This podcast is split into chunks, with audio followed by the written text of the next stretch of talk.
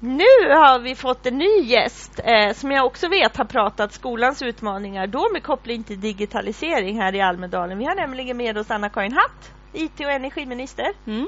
God morgon. God morgon! Du ser jättepigg ut. Ja, jag har den lilla egenheten. Ja. När jag väl har kommit upp på morgonen så tycker jag det är ganska ja. skönt. Nu är det lugnt och stilla i Visby så då kan man tänka fria tankar. Ja. Välkommen hit, jättekul att ha dig här. Du är ju återkommande gäst i Godmorgon Almedalen. Vi ja. har ju något att följa nämligen och det är den digitala agendan. Lite. Och så, uh, vi kan väl börja där innan vi pratar lite supervalår och lite så. Mm. Hur uh, Den digitala agendan, vad har varit i, i fokus för dig det, det, senaste året? Vad är det för steg som du ser har tagits? Hur har diskussionen fortsatt för att implementera den? Alltså det övergripande, det är två syften egentligen med den digitala agendan. Dels så var ju tanken att regeringen och näringslivet och organisationerna skulle enas om ett gemensamt mål. Vart är det vi ska sikta i Sverige? Och då bestämde vi oss ju för ett, ja, faktiskt två och ett halvt år sedan är det väl nu, för att Sverige ska vara bäst i världen. Inte bara på teknik utan på att dra nytta av digitaliseringen. Att använda det i skolan för att minska koldioxidutsläpp och sådär. Eh, så att det var det ena som var viktigt. Det andra som var viktigt, det var ju att se till så att vi definierar vad finns det för områden där vi behöver bli bättre på väldigt många områden så ligger ju Sverige i topp. Mm. Men det finns områden där vi behöver göra mer. De har jag fokuserat mycket nu på. IT i skolan, IT i småföretag, IT för att minska våra ekologiska fotavtryck till exempel det senaste året. Mm. Och just IT i skolan, där finns det ju en spännande rapport som har, har kommit som har lett till konkreta eh, uppdrag vidare. Mm. Det stämmer. Då när vi formade den digitala agendan mm. så så insåg jag ganska snabbt att om ett sånt här dokument inte bara ska bli en politisk pamflett som man håller upp under kristallkronorna och sen händer det ingenting så måste man också etablera en process där man kontinu kontinuerligt jobbar med den. Och Det var ju därför som regeringen tillsatte Digitaliseringskommissionen som ju jobbar varenda dag med att följa upp och komma med förslag. Vad behöver vi göra mer för att vi ska ligga där i framkant? Och de tog ju fram det här delbetänkandet om IT i skolan där vi har fått en lång rad förslag nu på vad kan vi göra för att inte öka tillgången på teknik, för det finns ganska mm. gott om teknik i skolan, men att se till att den används i, i klassrummen. Därför att Skolverket och andra har kunnat visa att även om tillgången har gått upp så ligger användandet kvar på samma låga nivå som det gjorde för fem år sedan. Och snart är väl skolan det enda området i samhället där man inte naturligt möter det digitala. Så kan det ju inte se ut. Mm. Mm. Har du någon reflektion om när man pratar en digital agenda för Sverige, digitaliseringen och så? Jag tänker bara att det om jag kollar på mina systerbarn, att det, det är en utveckling vi, vare sig vi vurmar för eller inte, måste möta. De, mm. de sitter jättesjälvklart med de här äh, iPadsen, heter det va? Alltså äh, läsplattorna. Mm. Och till den graden att äh, pappersbilder försöker de också förstora. Alltså det, mm. Då, för, då förstår inte när de är riktigt små varför en bild inte ska gå för stora. Mm. det går ju. Ja. Och det där, måste, det där är en jätteutmaning för hela vuxenvärlden skulle jag säga därför att våra barn, de är ju digitala infödingar. Mm. För dem är ju nästan digitalisering, det är inte ett ord utan det här är ett självklart redskap precis som papper och penna eller en vanlig bok eller vad som helst. Att de, de använder det här så naturligt och det är klart att det ställer stora krav på lärare i skolan som behöver få hjälp att förstå hur kan man använda det här verktyget på ett bra sätt i pedagogiken så att man istället för att be eleverna stänga av mobiltelefonen när de kommer till skolan faktiskt använda de här redskapen som de redan är bekanta med för att mm. få igång lusten att lära och, och fånga varje elev där de befinner sig. Därför att vi vet ju att de här verktygen gör att vi överbryggar hinder och, och framförallt kan hjälpa barn som kanske annars har svårt att lära att lära sig precis lika bra som, som andra i klassen. Mm. Men då har du kanske en kollega som tycker att det smsas alldeles för mycket och eh, behöver vara mer ordning i klassrummet. Vet du vad jag kan avslöja? Att vi har en eh, spänstig och levande diskussion eh, om de här frågorna. Ja, ja. Det är klart att det, jag tror att det är många som har noterat att jag har varit snabbare på bollen att driva frågan om IT i skolan. Men nu har vi faktiskt kommit dit hän. Det är hela regeringen som står bakom den digitala agendan. Och nu har också jag och Jan Björklund tillsammans eh, berättat att regeringen, alliansregeringen, kommer ta fram en nationell strategi för IT i skolan. Därför att vi har gjort mycket. Vi har förändrat skollagen och läroplanen och kursplanerna. Men det är rätt uppenbart att det är många lärare och skolledare där ute som frågar efter. Vi behöver en ännu tydligare signal om att det här inte är valbart eller liksom mm. någon plusmeny utan att det här måste göras. Och då behöver vi ha en nationell strategi som man sen kan göra konkret ute på skolorna och i klassrummen. Mm. Här på Hej Digitalt, som en arena som har velat hela veckan att diskutera digitaliseringen ur en mängd perspektiv, från nätaktivism till entreprenörskap, så hade vi också en väldigt spännande skolworkshop där vi i, i två timmar, två timmar i Almedalen grottade ner oss i fyra frågor och där publiken var medskapande och fick själva fördjupa sina tankar. En fråga som jag hade förmånen att få skicka in i den här gruppens diskussioner var vad ska vi ha den digitala kompetensen till? Mm. Och publiken var alltså lärare eller skolhuvudmän. Eh, och, och alla svaren vi fick kretsade kring demokrati, egenmakt eh, och, och, en delaktighet i samhället. Det var bara den typen av frågor. Mm. Och, och, då, dels var det ju förstås glädjande för det visar ju den här kåren av lärare som redan har börjat jobba och har sett de här sakerna som är goda exempel. Mm. Men det var också så tydligt att det var svar som jag inte alls tror är det som när du går till den mer skeptiska kollegan även på en vanlig skola kommer upp. Att mm. det finns den kopplingen att digitali den digitala kompetensen handlar om en djup förståelse som är jämförbar med läs och skrivkunnighet och mm. vad som sen öppnar sig bortom det kan vara vad som, vad som helst. Mm.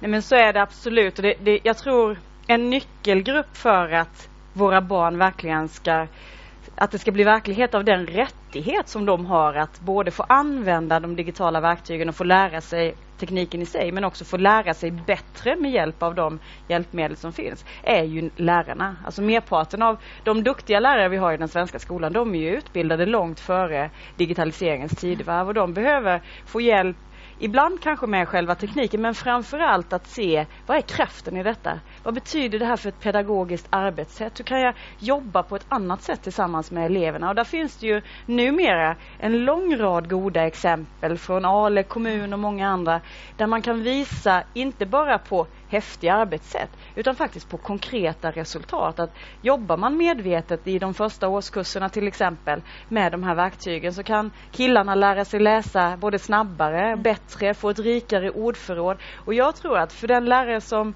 är lite skeptisk eller känner sig trygg och vill hålla sig i trygga hörnet så behöver man få se att ja, men det här är faktiskt ett sätt för mig att göra mitt kärnuppdrag bättre. Det handlar inte om liksom tekniken i sig utan om att faktiskt våra barn och unga ska få de verktyg som krävs för att man ska kunna få de kunskaper man behöver med sig från skolan.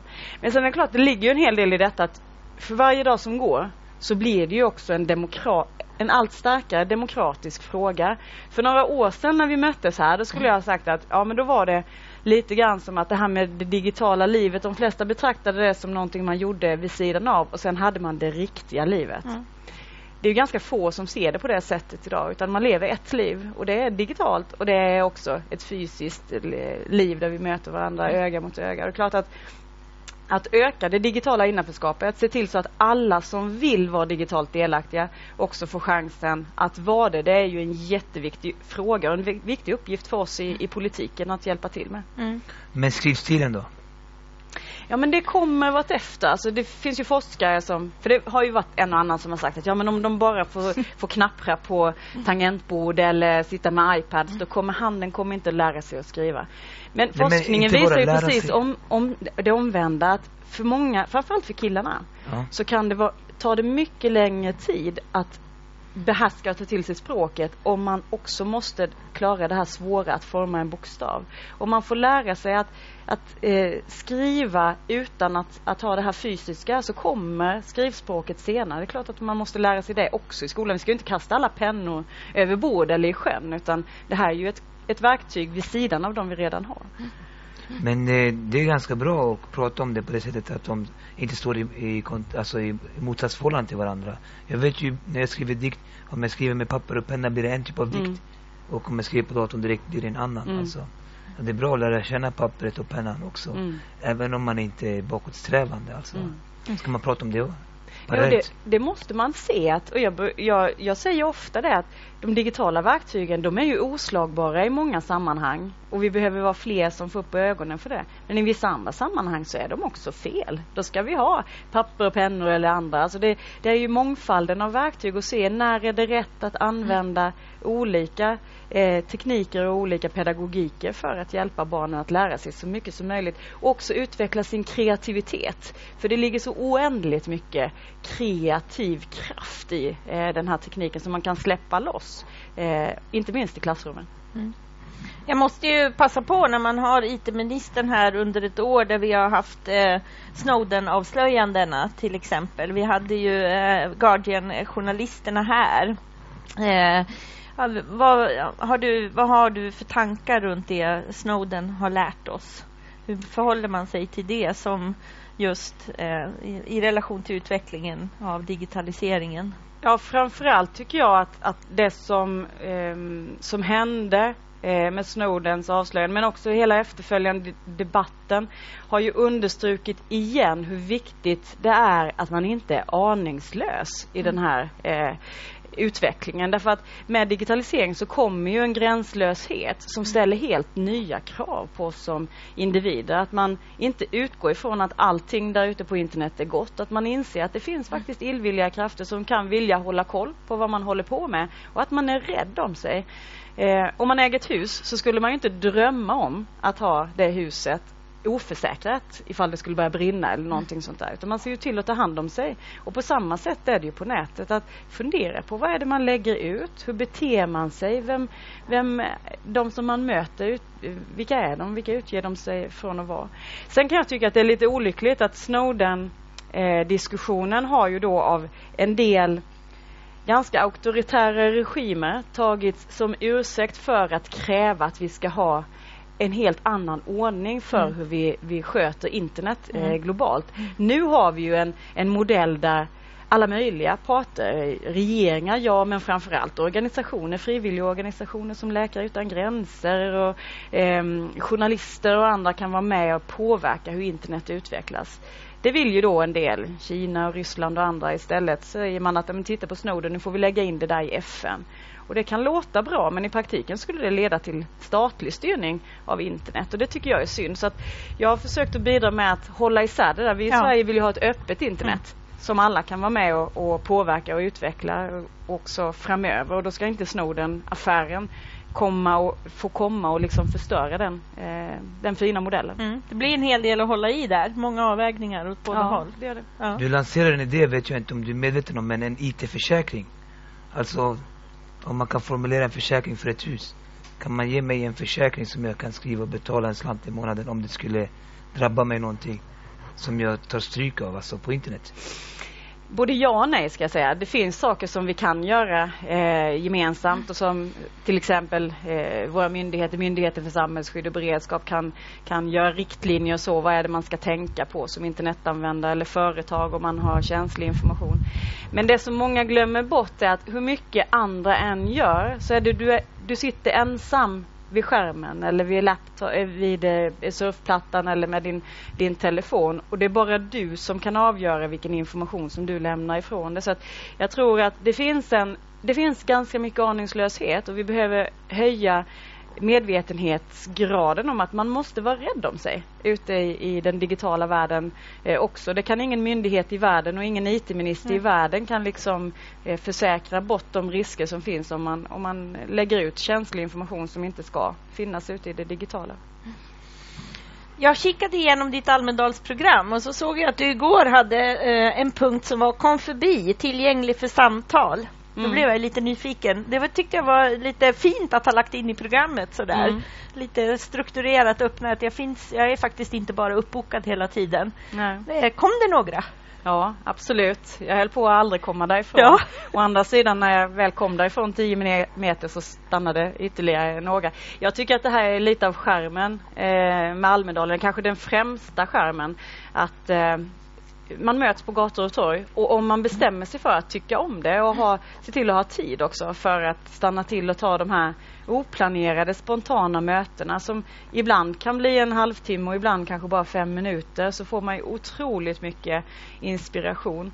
Som minister är man ju ofta påpassad. Det finns massor med gatekeepers och det finns en almanacka som oftast är strikt men Almedalen, då kan man lämna det där på fastlandet. Det blir ett lite annat mod och det är många som är här så att det uppstår ju mycket möten som man inte hade en aning om eh, bara för några dagar sedan och det tycker jag, det där ger mig otroligt mycket kraft, inte minst ett valår som det är. Ja. Så vad har du på agendan idag som du vill passa på att lyfta fram innan vi ska släppa dig vidare? Nu närmast så är det regeringssammanträde. Eh, vi passar på att ja. ha det här klockan nio och eh, då har jag ett, eh, ett, ett ärende som vi ska fatta beslut om där regeringen ska titta på om vi kan använda samhällsmaster runt om, framförallt i glesbygden, för att bygga ut mobiltäckningen. Det kan vara höga kyrktorn eller höga byggnader som kommuner äger där operatörer kan få sätta upp basstationer på. Sen kommer det bli mycket energipolitik idag. Jag ska grillas mm. i heta stolen hos flera olika branschorganisationer som håller på med transportsektorn och framtidens eh, drivmedel. Så att det blir en späckad dag idag också. Hinner du blogga när du kommer hem sen? Ja, alltså under själva Almedalsdagarna så hinner jag inte blogga Nej. så hemskt mycket. Men, men nu håller vi på, också, för det blir ju samma i, i valrörelsen, att det blir nog mer videobloggande framöver. Att vi ja. använder bloggen mm. och så spelar vi in korta filmer som som också folk har lite lättare att titta på en minut sådär, både på Twitter, och bloggen och Facebook och så ökar räckvidden på det sättet och då behöver inte jag sitta och knappra så länge. Mm. Men du har verkligen hållit i bloggandet. Där kan man verkligen se vad du tycker och tänker om olika saker. Ja, alltså jag, det var min tanke när jag började blogga att det skulle finnas någonstans där man kunde hitta nästan allt som jag har sagt i några offentliga sammanhang. Eh, både som väljare förstås, eh, men också som journalist och jag märker ju att, att det dyker upp här och var hos människor jag inte någonsin har träffat. Så att räckvidden ökar ju. Sen är det ju skönt att ha ett forum där man får prata till punkt och inte bara bli klippt och beskuren och snuttifierad utan kunna lägga ut texten om varför är det bra att vi nu har kunnat minska det digitala utanförskapet och vad är nyttan med IT i skolan till exempel. Mm. Stort tack för att du kom till oss. Tack så mycket. Ja, ha en bra dag nu. Ja, tack. tack. Hej. Hej. Då ska vi avsluta med några Almedalstips ja för dagen. Och då eh, har vi några tips eh, som jag ville lyfta fram var bland annat till exempel Barndomstolen som Unga Örnar skulle ha en utfrågning där barn utfrågar eh, olika eh, politiker och andra beslutsfattare. Eh, och sen kommer det vara ett debatt-SM om kulturpolitiken. Det tror jag till och med att vi kommer göra ett litet kort inslag om. Det är som något lite grann av det som händer runt om i Almedalen idag. Sen har vi ju våra Hej Digitalt eh, aktiviteter där vi mellan 11 och 12 har punkten där entreprenörer och innovatörer ger besked om Sveriges digitala framtid. Det är Beata Wittbom eh, som leder ett samtal där. Sen har vi workshop eh, om innovation och idéer mellan 13 och 15 som Hyper Island leder har varit otroligt kreativa sessioner här. Jätteroligt. Eh, så det kommer bli spännande att se hur det går idag. Och sen är det vår punkt. Vad ska vi prata om? Klockan 15.00. Ja. Eh, om, vad är rubriken? Resa från, från cell till fågelsång. Ja. Vi pratar om eh, David Isak. Mm. Yeah. Och, gör sådana här utspel någon nytta egentligen? Ja, just det. Ja. Eh, kampanjer. Vilka risker finns? Ja. Mm. Det är Thomas Mattsson, Expressen, som modererar eh, och det är du och jag i panelen. Martin Schibbye och Kerstin Neld eh, från Sveriges tidskrifter som ju sitter i stödföreningen för Frida Witt. Ja, då var vi klara för dagen. Hur känns det här? Eh, bra. Är du redo för en dag i Almedalen fram till klockan tre? Eh, jag ska gå och vila lite först tror jag. Du det var tidigt. Ja. Det var sent igår. Ja. Faktiskt. Eh, det, är bra, det är bra att vara lite eh, improvisationsmusiker. Är man trött så ska man sova, är man hungrig ska man äta. Eh, och kanske offra då en programpunkt. Ja. ja. Men vi säger tack och hej. Ja. Vi ses imorgon klockan sju. Sverige 2014. Något händer på Gotland. I Almedalen i Visby samlas under en vecka åtta partier. Till över 3000 evenemang kommer det tiotusentals besökare. Och mitt i allt det här finns det åtta programledare med en morgonsändning. Och dit kommer det massor med gäster. Så nu är det dags att vakna. För det här är